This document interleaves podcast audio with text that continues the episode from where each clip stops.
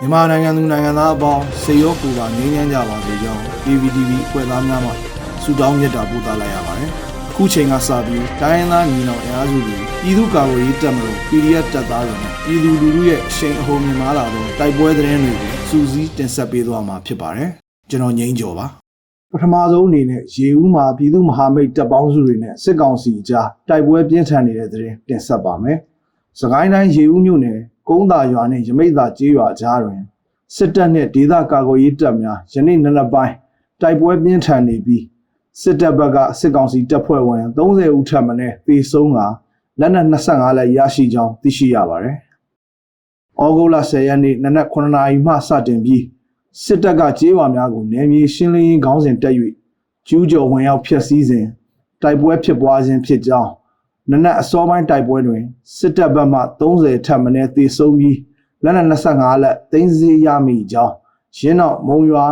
နာမခမှစစ်ရဟတ်ရင်များဖြင့်ပထမအကြိမ်ပြစ်ခတ်ကြောင်းရင်းနောက်နနက်7နာရီဝန်းကျင်တွင်လည်း MI35 ရဟတ်ရင်များဖြင့်ပြစ်ခတ်ပြီးစစ်ကူတချို့ကိုရဟတ်ရင်ဖြင့်ခြာထားပေးကြောင်းဒေသသတင်းရင်းမြစ်ကဆိုပါတယ်။ ဩဂုတ်လ9ရက်နေ့ညနေပိုင်းတွင်စစ်တပ်စစ်ကြောင်းကရေဦးကုန်းသာကျေးရွာဘက်သို့စစ်ကြောင်းထိုးလာခြင်းဖြစ်ပြီးယနေ့နနက်ပိုင်းတွင်တိုက်ပွဲဖြစ်ပွားခြင်းဖြစ်ကြောင်းစစ်ကောင်စီတပ်များကိုရေဦးကာကွယ်ရေးတပ်ဒီဘဲရင်ပြည်သူ့ကာကွယ်ရေးပူးပေါင်းတပ်များကပူးပေါင်းတိုက်ခိုက်နေခြင်းဖြစ်သည်ဟုသိရှိရပါတယ်။ဆက်လက်ပြီးရိမြို့တွင်စစ်ကောင်စီစခန်းကိုချင်းကာကွယ်ရေးတပ်ပူးပေါင်းတိုက်ခိုက်မှုတရင်မှုဒုတိယဗိုလ်မှူးကြီးဝေမျိုးပိုင်ဒရုန်းဘုံသီးထိမှန်တိုက်ဆုံမှုအပါအဝင်စစ်သား9ဦးတိုက်ဆုံတဲ့တဲ့တင်တင်ဆက်မှာပါ။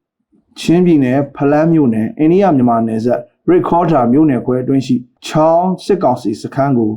ယနေ့ဩဂုတ်လ10ရက်နေ့နနက်2နာရီတွင်ချင်းပူပေါင်းတပ်ဖွဲ့ဝင်များကဝင်ရောက်တိုက်ခိုက်ရာစစ်သား9ဦးသေဆုံးကြောင်းချင်းတပ်ဖွဲ့ CDN စီရင်ကသတင်းထုတ်ပြန်တာပါတရင်မှုဒုတိယဗိုလ်မှူးကြီးဝေမျိုးပိုင်ဒရုန်းဖြစ်ဘုံကျဲခံရပြီးသေဆုံးမှုသည်ယနေ့နနက်ချင်းကာကွယ်ရေးတပ်ဖွဲ့များပူးပေါင်းတိုက်ခိုက်သော ချောင်းစစ်တပ်စခန်းတိုက်ပွဲတွင်တေဆုံးခြင်းဖြစ်ကြောင်း CNDF ကသတင်းထုတ်ပြန်ပါတယ်။အိန္ဒိယမြန်မာနယ်စပ်ချောင်းစစ်ကောင်စီစခန်းကို CDF, CDN, CN, PDF Zolan, CNDF နဲ့ MEDF တို့ကယနေ့နနက်အစောပိုင်းတွင်ဝင်ရောက်တိုက်ခိုက်ရာနနက်9နာရီထိတိုက်ပွဲဖြစ်ပွားခြင်းဖြစ်ကြောင်းအဆိုပါစခန်းမှစစ်သားလေးဦးမှာရှင်းတပ်ဖွဲ့များထံအလင်းဝင်လာခဲ့ပြီးလက်နက်ခဲယမ်းများယူဆောင်လာခဲ့ခြင်းမရှိကြောင်းအချမ်းဖတ်စစ်ကောင်စီဘက်မှတိုက်ပွဲဖြစ်ရာဝင်းရင်တွင်ဂျက်တိုက်လေရင်နှစ်စီးခေါက်ထုတ်ခေါက်ပြောင်ပြန်ဝဲခဲ့ကြောင်းတိုက်ပွဲတွင် CDN, CN ရဲဘော်တို့ဒဏ်ရာရရှိခဲ့ကြောင်းသိရှိရပါတယ်။အလားတူအိန္ဒိယမြန်မာနယ်စပ်ချင်းပြည်နယ်ဖလန်းမြို့နယ်ခေါ်မောရွာအဝင်တောင်ထိပ်ရှိစစ်ကောင်စီစခန်းကို Mountain Eagle Defense Force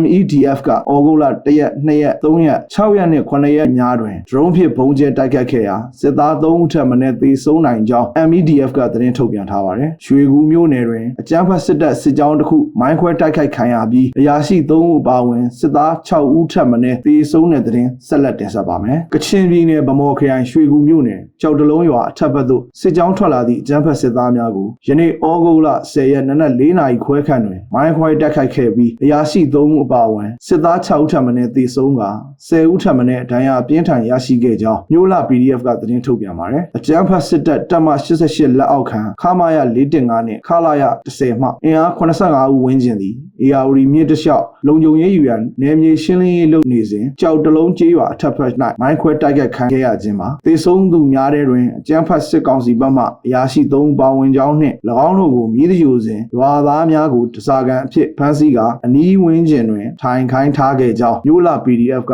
ထုတ်ပြန်ပါတယ်။နောက်ဆုံးအနေနဲ့မြို့သစ်မြို့ကဏီရွာတွင် PDF တပ်ဖွဲ့နှင့်စစ်တပ်ပစ်ခတ်မှုဖြစ်ပွားပြီးဗိုလ်ကြီးတို့ပါဝင်3ဦးသေဆုံး PDF ရဲဘော်6ဦးကြာဆုံးတဲ့သတင်းတင်ဆက်ပါမယ်။မကွေးတိုင်းမြို့သစ်မြို့နယ်ကဏီရွာတွင်ဗေဒနိုး PDF တပ်ဖွဲ့မှတပ်ဖွဲ့ဝင်6ဦးတဲခိုသည့်နေအိမ်ကို အကြမ်းဖက်စစ်တပ်ကဩဂုတ်လ9ရက်နေ့တွင်ဝင်ရောက်စီးနင်းခဲ့သောကြောင့်ပြစ်ခတ်မှုများဖြစ်ပွားကာစစ်တပ်ဘက်မှဗိုလ်ကြီးတို့ပါဝင်3ဦးသေဆုံးခဲ့ကြောင်းဗေဒနိုးနယ်မြေပြည်သူ့ကာကွယ်ရေးတပ်မတော်ထံမှသိရှိရပါတယ်။ကဏီကျေးရွာအတွင်းဗေဒနိုး PDF တပ်ဖွဲ့ဝင်များနယ်မြေစိုးမိုးရေးစီယုံဆောင်ရွက်နေစဉ်စစ်တပ်သတင်းပေးဒလန်များကြောင့်ဩဂုတ်လ9ရက်နေ့နနက်အစောပိုင်း9နာရီခန့်တွင်အကြမ်းဖက်စစ်တပ်ကအင်အား30ခန့်ဖြင့် PDF တပ်ဖွဲ့ဝင်များတက်ခုသည့်နေအိမ်ကိုပိတ်ဆို့ပစ်ခတ်ရာ PDF မြေရဲဘော်များကပြန်လည်ခုခံတိုက်ခိုက်ခဲ့ပြီး လက်နက်အင်အားလုံလောက်မှုမရှိသောကြောင့်ဗေဒနိုး PDF တပ်ဖွဲ့မှအကြီးအကဲတာဝန်ခံအပေါင်းရဲဘော်6ဦးကြာဆုံးခဲ့ရကြောင်းသိရှိရပါတယ်